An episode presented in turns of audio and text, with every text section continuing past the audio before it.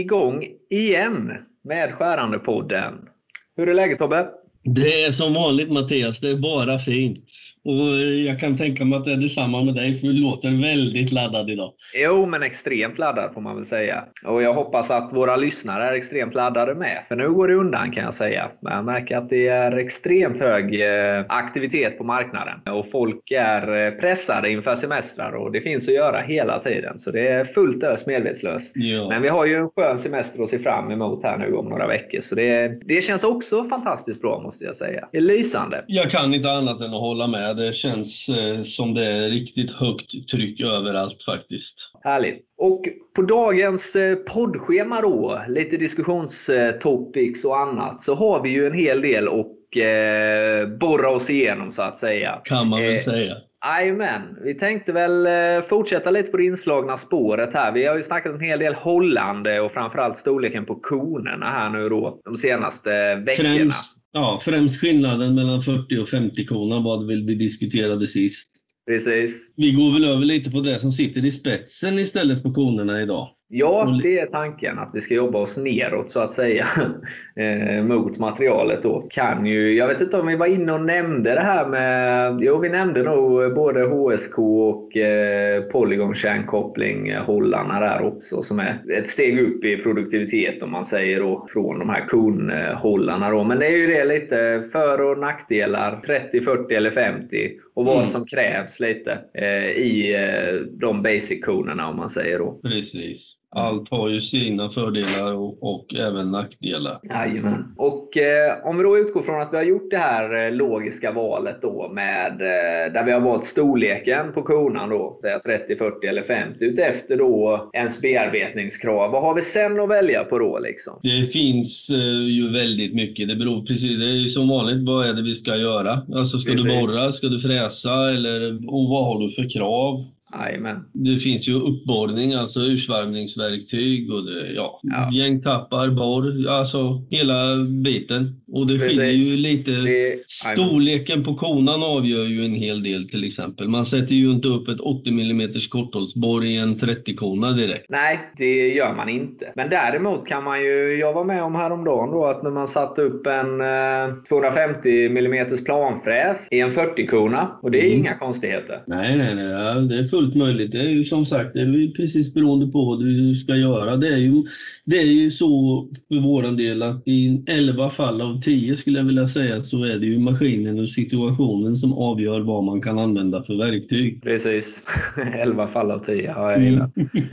Men så är det ju. Och när man har eh, konan då, då får man ju välja. Liksom, ska man ha i liksom eh, weldon med eller utan kylning? Ska det vara fräsdonshållare? Ska det vara snabbväxlingssjuckar och så vidare? Mm. Eh, vill man ha en krympsjuck eller inte? och så vidare. Det går ju, allting går att välja efter konan om man säger. Hydraulsjuckar och så vidare. Det finns så mycket beroende på önskad stabilitet och bearbetningsmål. Om man säger. Ja, och alla dessa varianter du pratar om, de finns ju för 30, 40 och 50 kona. Jajamän.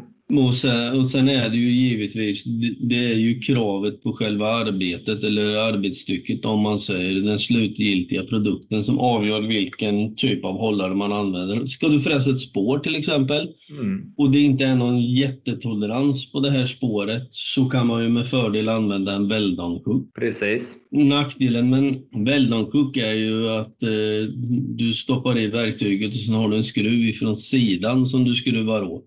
Mm. Så redan från första början så har du ju börjat att tulla på rundgångsnoggrannheten. Amen. Så har man väldiga krav på det så, så kan man inte använda en sån sjuk. Fördelen med en sån sjuk är att den är ju ganska så kostnadseffektiv om man så får säga. Ja, alltså det är just precis som du säger att eh, prisdifferensen om man säger i, man kan snacka om dyra sjuckar och så, men mm. det är mm. kvalitet kostar ju lite. Precis. Och skillnaden på en av den högsta kvaliteten och den som har god kvalitet fast med samma funktionsområden men kanske lite sämre noggrannhet som du säger. Och den skillnaden är någon tusenlapp upp till några tusenlappar om man säger. Och det blir ju i det stora loppet, eh, om man tänker livstiden för en sån här kan ju vara rätt många år. Mm. Då blir ju det ganska lite egentligen. Ja, precis. Sen är, det ju, sen är det ju återigen, det känns som vi tjatar om det, men det beror ju på vad du har för krav på dig. Och alltså, du ska ju även välja det sista verktyget. Alltså om man nu går på borrning, du ska ju välja borr eller mm.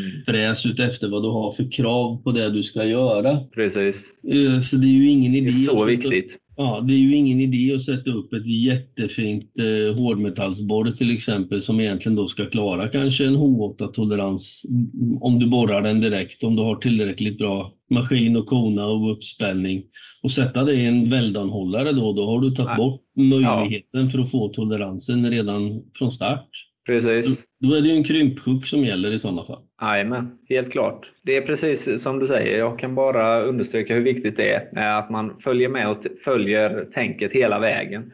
Och sen för att eh, det som sitter i spetsen, alltså då själva då, exempelvis det här borret eller fräsen eller vad det ska vara. Det ska ju också då ha möjlighet att köra med rätt hastigheter och rätt Precis. matning. Ja. Eh, så de grejerna man måste titta på sen är ju då liksom man kommer upp till spindelhastighet och eh, framförallt kraften då. Antalet kilowatt som finns i maskinen. Eh, som man sen kollar på för att kunna orka antalet ja. Newton i vridmoment och så vidare. Det är så Precis. viktigt. Mm. Ja, nej, men alltså det egentligen är det ganska logiskt. Har du en, en stark maskin så kan, med 50 kona så kan du med fördel köra med väldigt stora verktyg och skotta bort stora mängder spån utan problem. Men alltså du kan även som du var inne på förut sätta upp en ganska så stor planfräs i en liten maskin. Jajamän. Alltså jag har sett exempel på när man har en äldre konventionell fräsmaskin med alltså typ 300-400 mm fräskroppar. Det är därför att man helt enkelt fräser toppar till bilmotorer. Okay. Då, vill man in, då vill man bara ha en enda yta. Du vill passera toppen med, med fräsen på en gång och inte dela det i två skär för då får du en skarv på mitten och då blir det Precis. inte tätt i alla fall. Mm. Så har man sådana typ av jobb där du kanske har, vi snackar 3, 4, 5 tiondelar i skärdjup, mm. så är det ju inga problem att sätta upp en jättestor fräs i en liten maskin. Precis. Men börjar du använda den fräsen vad, det, vad själva verktyget klarar av, då orkar ju inte maskinen längre. Och det är, det är kul att du kommer in på just det, för det är ju så att förr så var det nästan att eh, maskinerna satte eh, ribban för verktygen. Men Absolut. utvecklingen har ju gått Eh, om vartannat om man säger. Mm. Och nu är det så att det är tvärtom. Det är ju verktygen som orkar mer än maskinerna eller klarar av mm. mycket mer än maskinerna allt som oftast. Och bara för att man ser att det kommer nyheter och så, nya fräscha verktyg och så, så ska man ju tänka att ja, okej, okay, coolt.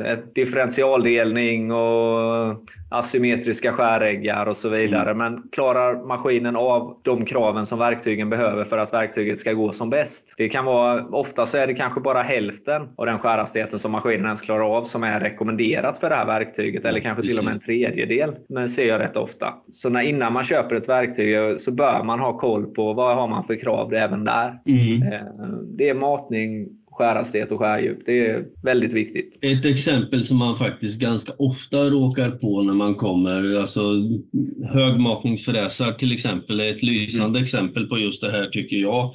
Amen. Du kommer till en lite äldre maskin och sen ska man spiralinterpolera ett hål till exempel istället mm. för att ja, maskinen är för klen, den orkar inte korthålsborra eller borra det hålet den ska göra. Ja, då mm. kan man ju vända på det och sen köra spiralinterpolering med en högmatare istället. Men man får väldigt många gånger Eh, backa ner till kanske 50 procent av det varv och den matning som fräsen egentligen vill använda sig av. För Precis. kör du med den högsta hastigheten eller den som fräsen vill använda, då hinner inte maskinen med att räkna, utan Nej. den tar den kortaste vägen runt, så hålet blir nästan trekantigt istället. Ja. Eller om den till och med har blivit lite grann sliten så det glappar lite i kulskruvar och grejer, då kan man också råka ut för det där att hålet blir inte runt. Och det är inte roligt. Nej. Sen är det ju om man säger allt, du var inne på det här att eh, verktygen eh, styr utvecklingen av eh, maskiner. Mm. Det går ju oftast trender i alla sådana här grejer också faktiskt. Amen. Det är precis som vi var inne på sist att under en period så skulle alla ha 30 koner. Det skulle vara små snabba symaskiner. Ja, precis. Ja, det finns ju lite granna, det fanns nog till och med lite granna klimattänk i bakgrunden på det här. Det skulle inte dra så mycket ström, det skulle Ja, inte ta så precis. mycket plats. Det skulle, Ekonomiska i alla fall. Vet Ja. jag. Fan, hade ni klimattänk på din tid när du var liten? Liksom? Jag tänker. i, inte när jag var liten kanske, men Nej. eh, i semivuxen ålder. Ja. Ja. Eh, Du hade börjat köra din tvåtaktsmoppe på diesel och lite sånt, det grönare alternativet. Liksom? Nej, den funkar nog inte riktigt bra på Nej. diesel, det tror jag inte. Och nu håller de ju på att förstöra det fullständigt med att blanda i mer och mer etanol i, i bensin. Ja, det är tragiskt. Ja, ju mer etanol det är, ju mindre smörja, vet du, då går det varmt. Så då blir Ja. det inget bra. Ja, det är tungt är det. Som sagt, vi får lämna tvåtaktsmopederna här nu då och så får vi återgå lite till det här med 30-koner som du säger. Miljötänk och så Mm. när det fick ett genomslag i verkstadsindustrin. Det finns ju en hel del både 50 och 40-koner ute och som sagt även de andra modernare om man kan uttrycka sig på det sättet med, lite, med, med ytterligare lite högre bearbetnings... eh, Både krav i kvalitet och framförallt att det kan bomba på med lite högre Q-värden och Mm. lite högre kraft. Om vi försöker sammanställa frågan så här. Att göra ett stort jobb i en liten maskin, är det möjligt? Ja, det tycker jag att det är möjligt. Självklart är det möjligt. Ingenting är omöjligt. Ja, nej, nej, nej. Det finns inga... Det omöjliga tar bara lite längre tid, så att säga. Precis, Ja. så är det. Nej, men vi har ju redan varit inne på det. Om man, som exemplet jag tog med att man planar toppar till exempel, då kan du ju köra med stora verktyg i en liten maskin och, och, och så här. Så det är klart att man kan köra stora jobb i små maskiner. Det är att man får ju välja verktyg ut efter det, precis som jag varit inne på. Du pratade Q-värde nyss. Kör du en högmatningsfräs till exempel, den genererar ju låga skärkrafter och, och du tar bort mycket material under kort tid. Jajamän. Det är ju en resa som, eh, nu kommer jag ju få någon bra kommentar igen, det vet jag ju, men jag var ju med när högmatarna började komma. Jaha. Och kommer ihåg den resan man fick använda med gubbarna alltså på, ute i maskinerna. När man skulle övertyga dem om att använda de här. Nej men eh, Du var hörnfräsen- alltså en av dem som eh, var pro eh, då? En nyhet liksom, att det gick Absolut. att använda högmatare? Absolut, och alltså man kan ju säga de, de första gångerna jag var ute och körde med högmatningsfräsarna så var det oftast folksamling runt den maskinen man körde. För du, fick, alltså du föreslog för killen i maskinen en matning och, det, och då tittade han på det som om du vore från en helt annan planet. För han hade inte snabbtransport i den maskinen oftast för att köra bordsmatningen. Ja. Man stod och sa du ska ha liksom 8700 i bordsmatning. Ja. ja men hallå, jag har 6000 i snabbtransport. Ja, precis. Ja, men skriv du, vad heter det? 6000 då. Ja, programmera, nej men programmera 8700 i bordsmatning och sen kör ju maskinen vad den orkar med. ja, men precis. Så är det. Ja, och då blir det oftast, och ofta hamnar den här diskussionen, ja, men jag kan ju köra 5 mm skärdjup med min hörnfräs. Mm. Där har du bara en, en 1,2 mm i skärdjup. Hur kan du mena att du får bort mer material? Ja, Sen finns det ju lite formler och grejer att räkna på det där med, men allt som oftast så bevisade man ju för folk att det blir mer spånavverkning med en högmatare än med en hederlig hörnfräs. så är det. Och även där kan du köra ganska så stora jobb då i en lite mindre maskin. Du tar en Mm. högmatare och sen skottar du bort materialet. Du behöver inte ha styrkan utan du Nej. använder snabbheten istället då. Precis. Och med rätt verktyg så kan man ju även få till rätt höga skärdjup och då Mm. ökar ju faktiskt eh, Q-värdet också exponentiellt. Jag drog ju lite, körde lite spårfräsning häromdagen på Mm. ett ställe där de eh, normalt sett körde 2-3 mm i skärdjup. Så testade vi en ny Dormer snabbståls faktiskt. Eh, pinfräs av alla saker. C126 tror jag, tvåskärig. Mm. Eh, ganska standard, belagd då Alcrona. Drog upp i 10 mm skärdjup, inga konstigheter. Och det byttes ju då mot en pinfräs som var faktiskt av hårdmetall. Och eh, ja, jag vet inte om den bara hade hamnat där på automatik eller så. Men den var femskärig och så brukar de köra spår med den. Och det är Mm. kanske inte helt eh, rätt då med tanke på att det inte finns så mycket plats för spånerna. Nej. Men det blev ju en, aha-upplevelse för de personerna där. Och det är kul att kunna hjälpa till med så pass enkla grejer, för de har inte ens mm. tänkt på de grejerna, de banorna. Liksom. Det som är helt naturligt för oss. Mm. Det förstår man ju. Eh, man kan inte ha koll på allt. Sådana banala saker kan också vara viktiga att kontrollera när man kommer till ett nytt ställe. Precis. Ja, kilspårsfräsning är ju en liten del i sig själv så att säga. Det ska Aj. ju gärna vara minusmått, eller minustolerans på spåren. Precis. Och ju högre skärdjup så ska man kanske ha lite mer skärvätska och kunna hålla det kallt och verktyget i alla fall. Ja. Värmen ska och... ut i spånerna och spånerna ska bli blåa. 200 grader eller vad det är. Ja, typ. Ja. Där någonstans. Nej, men blå spån vill man ju alltid ha så att säga för då vet man att värmen försvinner ut i spånarna precis som du säger och inte precis. blir kvar i. Det är ju en liten nackdel. Jag har för mig att vi pratade lite grann om det för sist också. Alltså kör du med, med 40 kona till exempel. Jag har sett på ett ställe där de stod och körde med en 40 kona, en ganska så stor fräsmaskin. Amen. Och de hade tyvärr inte utrustat den med 50 kona utan de hade valt 40 där. Men och killen stod och körde rätt så kraftiga formverktyg. Det kanske ja. var 1,80 i längd, 1 meter 80 centimeter.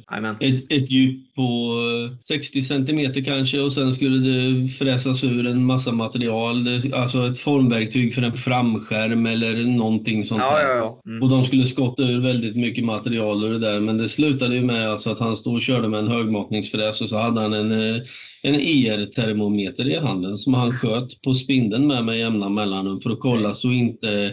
Alltså, Får du för mycket värme i spindeln då börjar det ta på lagren och till slut så kan du faktiskt till och med spränga dem. Ja, det är, man vill ju såklart öka produktiviteten och bomba mm. på med sådana grejer men det kan bli, det kan bli en dyrköpt eh, läxa också. Eh, ja. Bara att konstatera.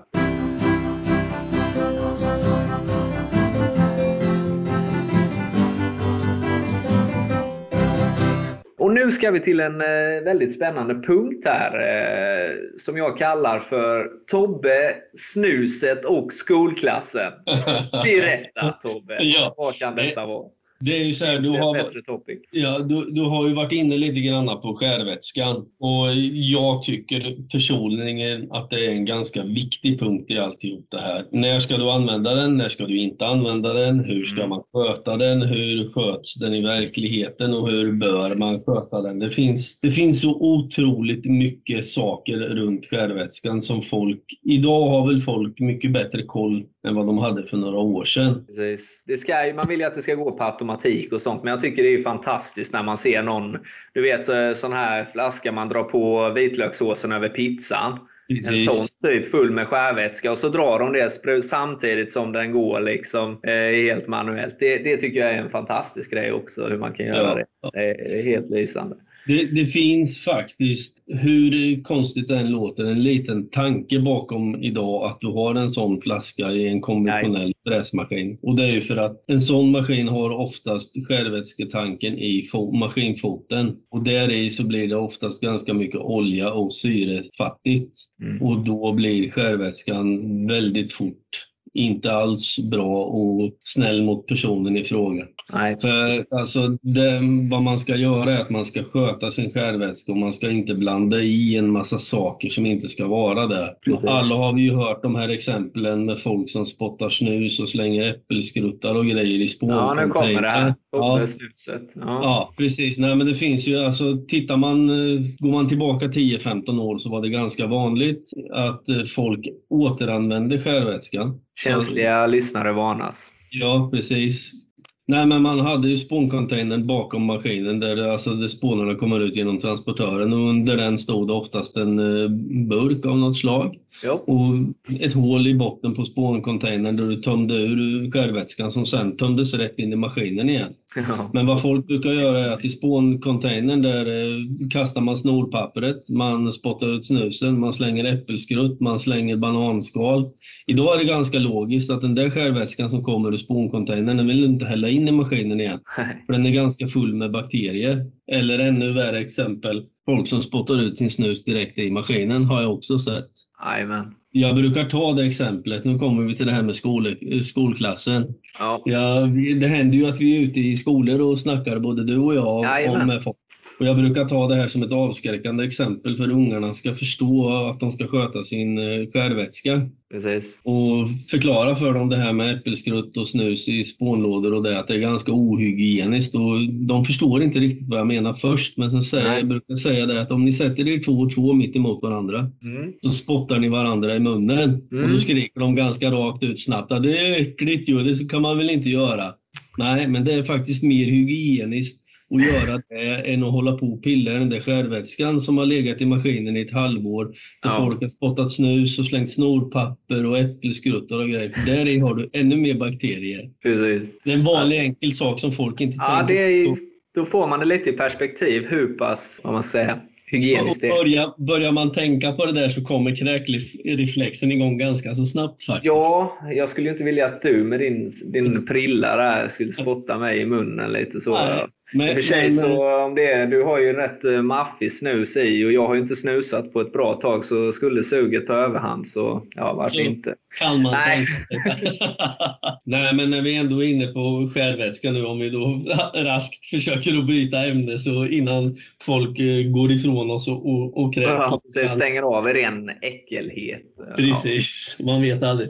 Nej, Nej men alltså när det gäller skärvätska så har du oftast också skär, det finns ju olika skärvätskor för olika material om vi så säger. Yes. De har ju lite olika egenskaper. När vi pratar om material så pratar vi om stål, ofta stål, rostfritt och aluminium brukar man dela in det i. Stål är det enklaste, sen kommer rostfritt och sen kommer aluminium vad det gäller bearbetning. Yep. När det gäller de här bitarna, det ställer olika krav på skärvätskan. Vi har ju våra skärvätskor eh, M200 Dormer som de heter då. Och då är de ju, eh, ja det finns ju färgkoder som man kan bli helt galen, men då har mm. vi ju en blå en röd och en grön skärvätska. Då. Och då mm. är de olika anpassade för stål, eh, rostfritt, superlegeringar eller gjutjärn eller aluminium då i alla fall. Eh, mm. Och det, av alla saker här, då, den röda är för aluminium nu den här mm. gången. Och eh, den gröna är för härdade material och, mm. så vidare. Så det är lite så.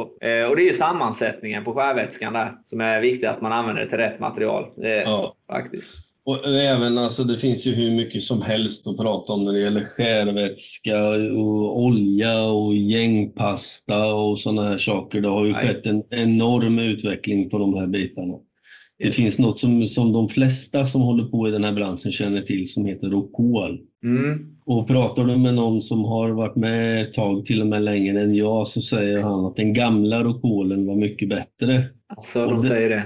Ja, och det, det, var den att bearbeta med, men den var absolut inte bättre för gubben som hanterade den. Nej. Det var, ja, men alltså, det var klor. Vad hände med de gubbarna då? Ja, men det är ganska... Ja, men cancer kanske har drabbat ganska många som har använt ja. sådana här saker. Ja, det är mycket...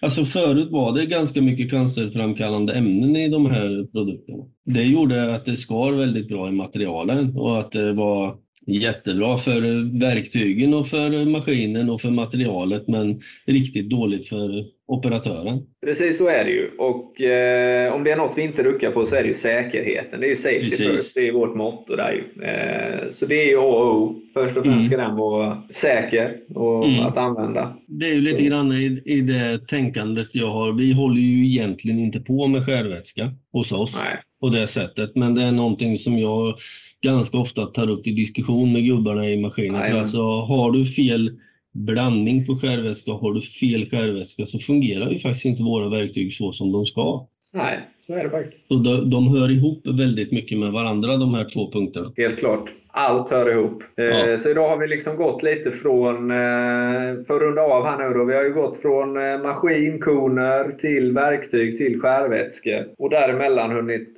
snacka både snus och spotta varandra i munnen och så. Ja. Så det är ju ett fantastiskt, fantastiskt spännande avsnitt vi har fått ihop här. Med det sagt så tackar vi återigen er som har lyssnat. Jag lovar att göra en shout-out till Goran i Växjö. Hej Goran! Tack för att du lyssnar. Och eh, även stort tack till er andra som har lyssnat. Det sagt så önskar jag er en trevlig vecka så hörs vi nästa gång. Ha det så bra. Ha det gott. Hej då.